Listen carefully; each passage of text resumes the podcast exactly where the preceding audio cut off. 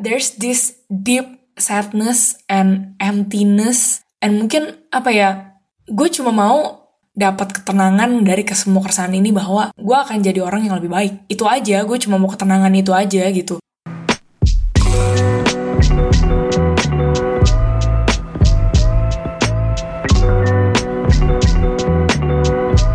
Konten untuk podcast kali ini bakal ngomongin tentang takut nikah.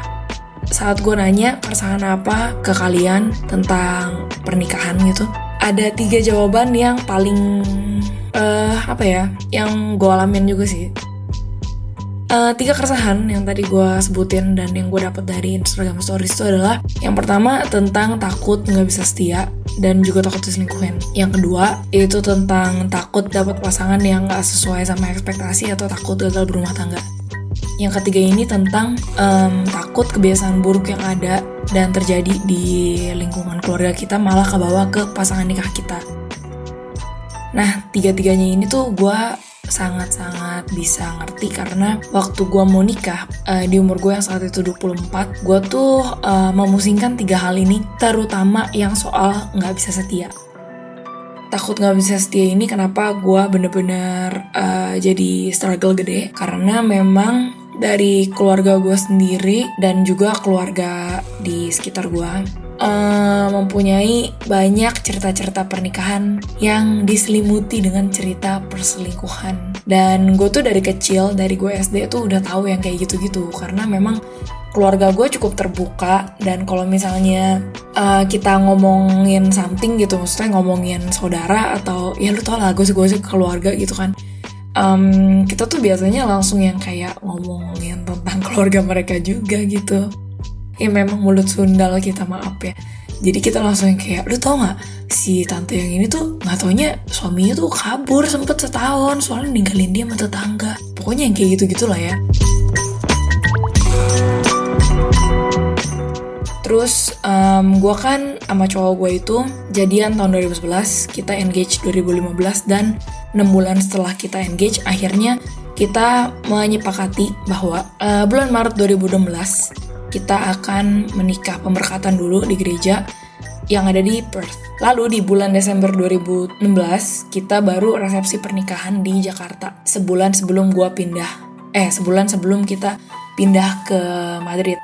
Dan gue inget tuh dari bulan gue kan engage Juni 2015 ya.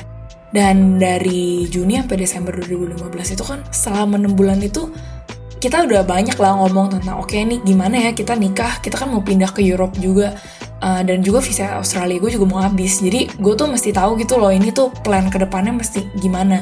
Dan uh, di tengah-tengah kayak kekejar timeline gitu gue jadi kinda like observing uh, myself too much banget gitu. Di momen di mana eh, sebenarnya ini lu nggak bisa kontrol apa-apa lagi lu cuma bisa do your best. Cuma gue bener-bener pengen kontrol banget just to make sure bahwa gue nggak melakukan kesalahan yang sama di family gue yang baru. Which is gue nggak mau sampai gue selingkuh juga gitu kayak orang-orang yang gue tahu. Akhirnya gue sempet kayak ada beberapa kali pengen ngeboikot hubungan gue sendiri gitu. Rasanya gue banyak banget urge di mana gue pengen bilang ke cowok gue saat itu aduh kayaknya lu kalau sama gue gue bakalan selingkuh deh. Aduh udah deh kayaknya ini udah kutuk keluarga gue gitu. Jadi gue takut kalau gue tuh ngecewain cowok gue dan ngecewain apa yang udah dia kasih dan korbanin ke hubungan kita gitu.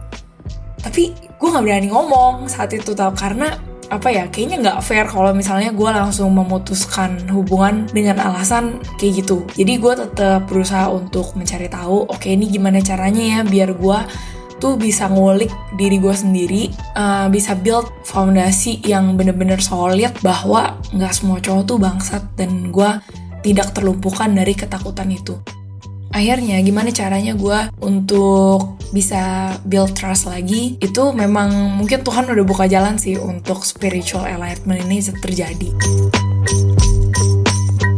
So, waktu gue balik ke Indo bulan Desember 2016, gue tuh lagi hangout sama temen gue. Dan uh, temen gue ini mau kasih kado ke salah satu temen gerejanya pas gue dan temen gue nyamperin itu lagi ada tamu gitu kedatangan dari Kanada. Jadi mereka tuh kayak pendoa syafaat gitu ya. Waktu lagi kita ke rumah temennya temen gue itu kita tuh nggak cuma numpang naruh kado doang tapi kita ya ngobrol-ngobrol dulu lah dikit.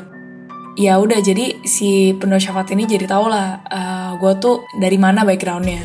Dan singkat cerita si pendoa syafaat ini tahu kalau uh, gue ada rencana mau menikah uh, eh, gue nggak ngerti apa muka gue tuh yang bener-bener emang penuh masalah banget. Tapi uh, gue inget nih kita kan lagi mau pulang. Terus tiba-tiba si pendoa syafaat ini nanya ke temen gue nih lo ada yang mau didoain nggak? Terus temen gue jawab deh gue lupa dia lagi galauin apa pokoknya karir atau gimana gitu. Pokoknya temen gue nih pengen nangis ceritanya. Terus gue kayak aduh yaudah dah ya. Gue awkward nih kalau sampai ditanya. Gue udah berusaha tuh untuk tidak apa ya untuk nggak mempunyai kontak mata gitu sama dia orang berdua. Terus udah temen gue sama cerita jadi gue doang yang ditanya kalau lu gimana Yunita? Lu ada mau didoain apa? Terus gue kayak ah fuck gue nggak mau cerita kan. Soal gue tuh galau mau nikah tapi uh, eh, gue takut gue selingkuh. Karena latar belakang keluarga gue tuh banyak banget yang selingkuh. Maksud gue ya kan baru ketemu ya sama nih orang ya kan gue awkward dong gitu. Jadi gue bilang aja enggak kok nggak ada eh, nggak uh, ada yang mau gue doain hidup gue oke oke aja gitu ya udah pertama pokoknya temen gue doain tuh. Habis itu setelah kita buka mata ya udah gue pikir gue kelar dong ya. Udah temen gue didoain ya kita cus dong pulang gitu. Habis itu si pendoa ini nyamperin gue langsung setelah doain temen gue tanya lu mau didoain apa? Terus gue masih dong kayak uh, yang menutupi senyum palsu gue gitu. Gue bilang enggak enggak nggak apa apa kok nggak ada nggak ada. Terus dia ngomong ke gue eh, nggak uh, apa apa tenang aja. Lu bisa percaya gue kok. Gue tahu lu mungkin uh, lagi punya masalah yang berat tapi gue berani jamin ke lu kalau beban lu akan terangkat malam ini. Gue kayak waduh wah udah gue langsung terbuka gitu. Nah ya lu tanya gue terbuka ya gue langsung heboh kan. Uh, jadi gue bilang gue tuh mau merit ntar lagi dan gue tuh takut banget gue mau ngulangi pattern yang sama yang terjadi di keluarga gue dan di keluarga besar gue yaitu tentang selingkuh. Gue tuh bener-bener gak mau banget jadi orang yang nggak setia dan gue malah sama kayak ya orang-orang yang gue tahu selingkuh lah gitu. Dia doain gue terus kayak kita menjemin mata sama-sama gitu dan gue tuh berasa ada apa ya kayak cahaya putih yang gue jamin itu Tuhan sih. Saking terangnya gue nggak bisa lihat mukanya. Dan saking terangnya gue merasa bahwa gue nggak berhak untuk berdiri. Ini sosok mulia banget sampai gue harus bersujud. Abis itu kaki gue bener-bener lemes banget. Dan gue tuh pegangan tangan sekencang-kencangnya masih pendoa ini sama tangan temen gue juga kalau nggak salah Terus si pendoa ini kayak udah tahu nih gue bakalan calon-calon um, mengalami spiritual enlightenment dan kayaknya dia tahu gitu gue bakal let, let it all out that night. Jadi dia bisikin ke gue, dia bilang nggak apa-apa kalau misalnya kamu mau jatuh bersujud nggak apa-apa bersujud aja. Terus gue langsung bersujud karena kaki gue udah lemes banget. Terus gue nangis parah banget uh, apa ya nangisnya tuh nggak yang kayak menggelinjang gitu di lantai tapi gue inget gue tuh nangis sesenggukan parah banget kayak gue nggak tahu kayak there's this deep sadness and emptiness and mungkin apa ya gue cuma mau dapat ketenangan dari kesemua keresahan ini bahwa gue akan jadi orang yang lebih baik. Itu aja gue cuma mau ketenangan itu aja gitu. Dan saat gue apa ya tersungkur di lantai kepala gue dipegangan uh, lalu dia akhirnya bisikin ke gue gak apa-apa lu gak perlu paksa diri lu untuk maafin orang lain dulu kalau lu kecewa. Lu cuma perlu maafin diri lu dulu sekarang. Anjir gila gue nangis sekarang. Tapi gila loh pas gue denger itu gue yang tadinya apa ya gue tuh berasa kayak gila kayak gue bakal ngulangin apa yang bokap gue lakuin ke nyokap gue gue bakal selingkuh sama banyak orang uh, dan ngecewain pasangan gue doang. Tapi saat itu gue percaya bahwa ada kekuatan yang lebih gede lagi yang bisa bantu gue jadi manusia yang lebih baik gitu.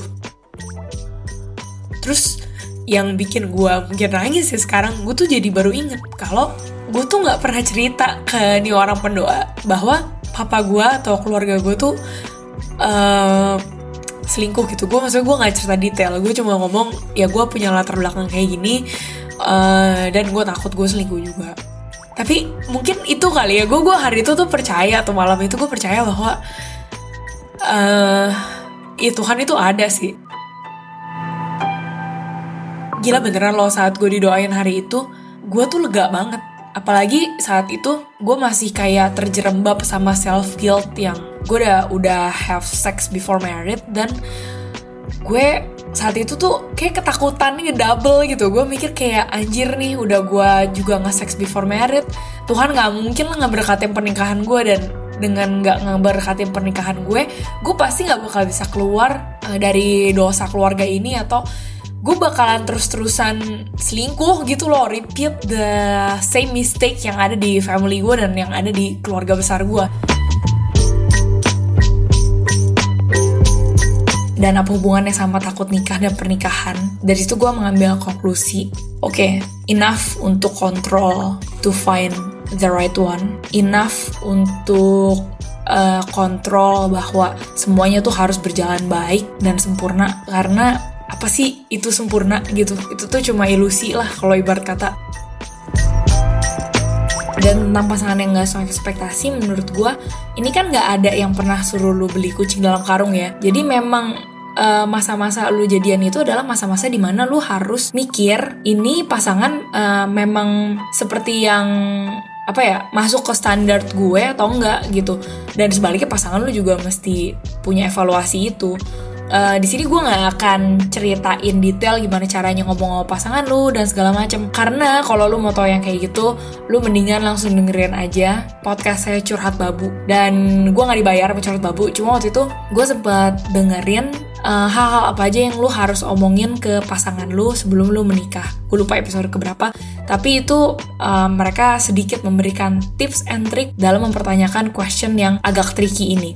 But anyway, kalaupun misalnya lu belum nanya sama pasangan lu, kitanya sendiri juga mesti bikin PR. Jadi sih kalau menurut gue saat kita mencari pasangan itu, jangan cuma pikirin yang lu sukanya apa gitu lebih dari itu, lu harus narrow it down, mikir ke hal yang lu nggak bisa tolerir. Dan ini bukan hal yang ece-ece ya, misalnya kayak kalau dia nggak chat aku 30 menit nanyain aku udah makan apa belum itu berarti bukan cowok aku. Nggak yang eh, manja-manja lenje yang kayak gitu. Tapi lebih ke hal yang memang setara sama prinsip kehidupan lu. Uh, contoh nih misalnya gue ya, saat gue akhirnya uh, tahu bahwa gue akan menikah sama pasangan gue ini, uh, gue langsung nulis apa sih hal yang sama sekali nggak bisa gue tolerir? Kalau ditolerir itu akan menghancurkan kebahagiaan bukan cuma kebahagiaan gue tapi kebahagiaan dia juga. Yang pertama apakah gue dan partner gue ini believe in equality? Uh, equality dalam arti lu percaya nggak kalau cewek dan cowok itu sama? Kalau lu nggak percaya cewek dan cowok itu sama ya udah. Mau seganteng apa pun lu mau muka lu kayak mukanya si Fse gila ini referensi gue tahun 2000-an banget tapi iya mau lu seganteng tau Mingse pun gue nggak akan mau malu kalau lu nggak percaya inequality dan lu nggak percaya bahwa cewek itu sama sama cowok ini akan impact cara bagaimana kita tuh berkomunikasi bagaimana kita tuh membagi uh, role di rumah tangga Nah, lu kebayang gak kalau misalnya one day lu tuh bener-bener butuh banget pertolongan pasangan lu untuk beresin rumah. Terus pasangan lu malah gak mau, padahal dia cuma ongkang-ongkang kaki doang. Dan pasangan lu bilang, ya enggak lah itu kan kerjaannya cewek. Masa aku ngerjain kerjaan cewek sih? Ya itu males banget gak sih? Uh, dan makanya itu jadi satu prinsip terbesar gua kayak deal breaker lah. Dan deal breaker yang kedua adalah apakah lu dan pasangan lu ini eh, sama-sama membantu each other untuk jadi orang yang lebih baik? Ini agak tricky untuk dijawab. Jadi mau nggak mau lu harus pakai kaca tanda kutip dari orang-orang di sekitar lu. Dan orang-orang yang di sekitar yang harus lu tanya ini ya orang-orang yang harus lu percaya ya uh, dan orang yang netral juga kalau kasih opini.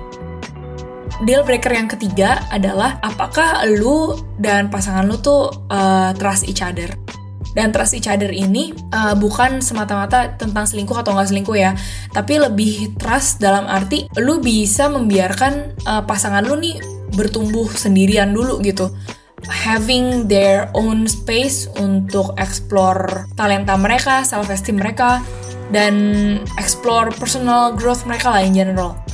Menurut gue, hubungan yang sehat itu adalah saat pasangan lu dan juga lu nya mempercayakan each other dengan cara uh, memberi ruang sendirian untuk bertumbuh. mengenai pengalaman gue sendiri plus kalau misalnya kalian percaya sosok Tuhan di luar sana uh, ya Tuhan itu nggak pernah memberikan hidup yang sampah karena kita bisa lahir di dunia ini kita punya hidup ini itu memang uh, sebuah hadiah gitu loh dari dia dan eh, nggak uh, mungkin yang namanya kita itu tanda kutip dikutuk dan nggak bisa menjadi orang yang lebih baik lagi saat kita mau membangun atau mau membina hubungan yang baru sama pasangan kita. Yaudah begitu aja kali ya cerita untuk episode yang kali ini. Uh, terima kasih sudah mendengarkan. Ngobrol-ngobrol lagi Rabu depan karena kucing gue udah meong-meong minta makan. Uh, see you for the next episode yang akan hadir di setiap hari Rabu.